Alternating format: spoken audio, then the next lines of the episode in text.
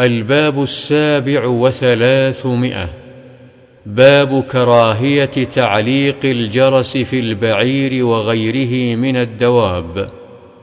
وكراهية استصحاب الكلب والجرس في السفر. عن أبي هريرة رضي الله عنه قال قال رسول الله صلى الله عليه وسلم لا تصحب الملائكة رفقة فيها كلب أو جرس. رواه مسلم.